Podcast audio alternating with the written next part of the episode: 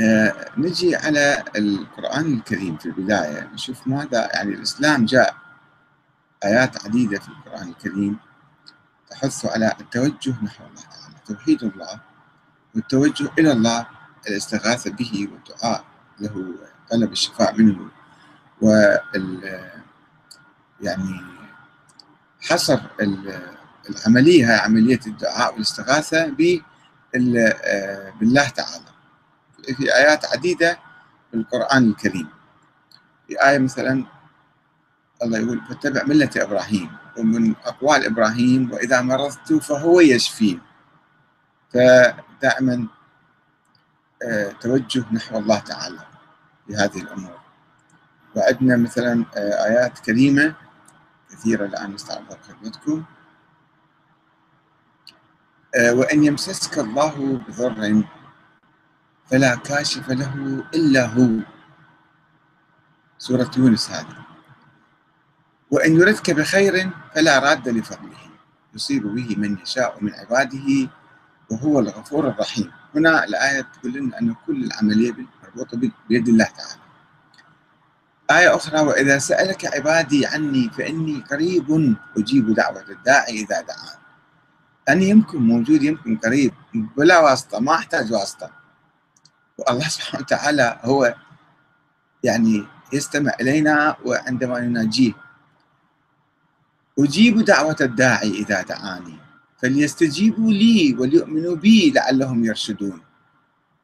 آية 186 سورة البقرة. آية أخرى قل ادعوا الذين زعمتم من دونه. فلا يملكون ذول الأصنام أو كانوا يعتقدون الآلهة مالتهم أو الملائكة مالتهم. قل ادعوا الذين زعمتم من دونه فلا يملكون كشف الضر عنكم ولا تحويلا. 56 الإسراء. آية أخرى أيضا في سورة سبع قل ادعوا الذين زعمتم من دون الله. لا يملكون مثقال ذرة في السماوات ولا في الأرض وما لهم فيها من شرك وما لهم منها من ظهير. يعني هم مو شركاء الله حتى هم يشافوكم ويعافوكم ويداووكم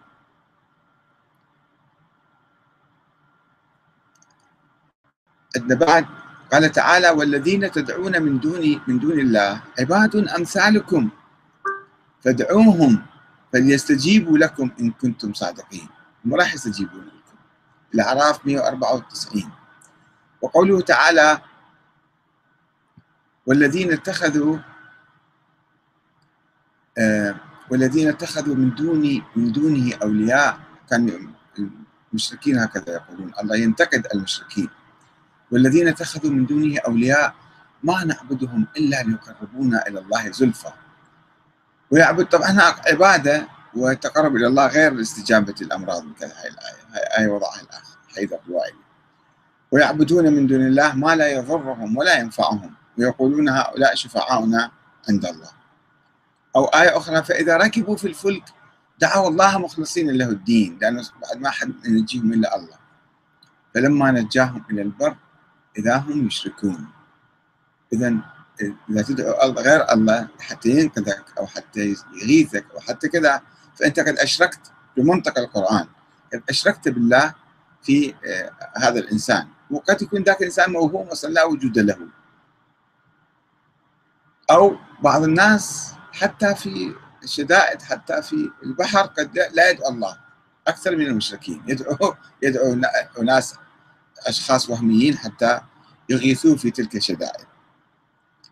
وقال تعالى وأيوب إذ نادى ربه أني مسني الضر وأنت أرحم الراحمين فاستجبنا له فكشفنا ما به من ضر وذنون ذهب مغاضبا فظن أن لن نقدر عليه فنادى في الظلمات أن لا إله إلا أنت سبحانك إني كنت من الظالمين.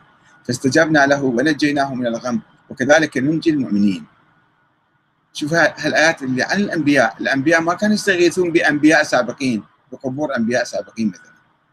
وقال تعالى وزكريا إذ نادى ربه لا تذرني فردا وأنت خير الوارثين فاستجبنا له ووهبنا له يحيى وأصلحنا له زوجه. الأنبياء 89 عندك حتى الإمام علي مثلا هناك حديث في نهج البلاغه يقول من استعان بغير الله ذل.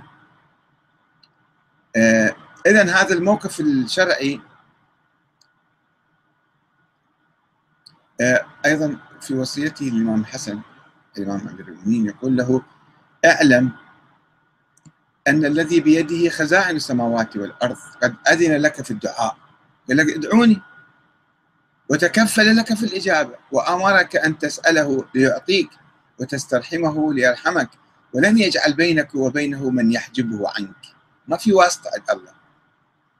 ما يحتاج واسطة. الله سبحانه وتعالى رحيم وهو خلقنا هو يستجيب دعائه. ولم يلجئك إلى من يشفع لك إليه. هذا في نهج البلاغة جزء 3 صفحة 37 في ابن ابن أبي الحديث. فهذا نص صريح وواضح من الإمام علي بابنه الإمام الحسن عليه السلام بقوله بأن الله لم يجعل بيننا وبينه من يحجبه عنا. حتى نروح نتوسط واحد حتى يتوسطنا إلى الله تعالى كأنه إحنا عندنا دولة فاسدة وهذا الملك ما نقدر نوصل له إلا عن طريق الوسطاء. ولم يلجئنا إلى من يشفع لنا إليه. لا ملك ولا نبي ولا إمام ولا غير ذلك. آه الأخ حسن الأسدي أيضا وضع بعض الآيات. قال هل يسمعونكم إذ تدعون؟ ما يسمعوكم ترى ذولا؟ أو ينفعونكم أو يضرون؟ قالوا بل وجدنا آباءنا كذلك يفعلون. قال أفرأيتم ما كنتم تعبدون؟ أنتم وآباءكم الأقدمون. فإنهم فإنهم عدو لي إلا رب العالمين. الذي خلقني فهو يهدين والذي هو يطعمني ويسقين. وإذا مرضت فهو يشفين. والذي يميتني ثم يحيين. الله سبحانه وتعالى يحييني. والذي أطمع أن يغفر لي خطيئتي يوم الدين. سورة الشعراء 72 82 الأخ حسن الأسدي شكرا. وضع آية أخرى. ومن أضل ممن يدعو من دون الله من لا يستجيب له إلى يوم القيامة وهم عن دعائهم غافلون. وإذا حشر الناس كانوا لهم أعداء وكانوا بعبادتهم كافرين.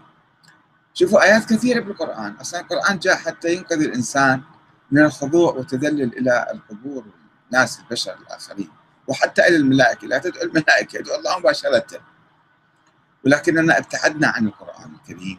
كمسلمين أنا أتحدث الآن أتحدث عن الظاهرة العامة الواسعة. الانحطاط والتخلف اللي أصاب الأمة الإسلامية من الفقر والجهل وانعدام اليقين وانعدام الإيمان.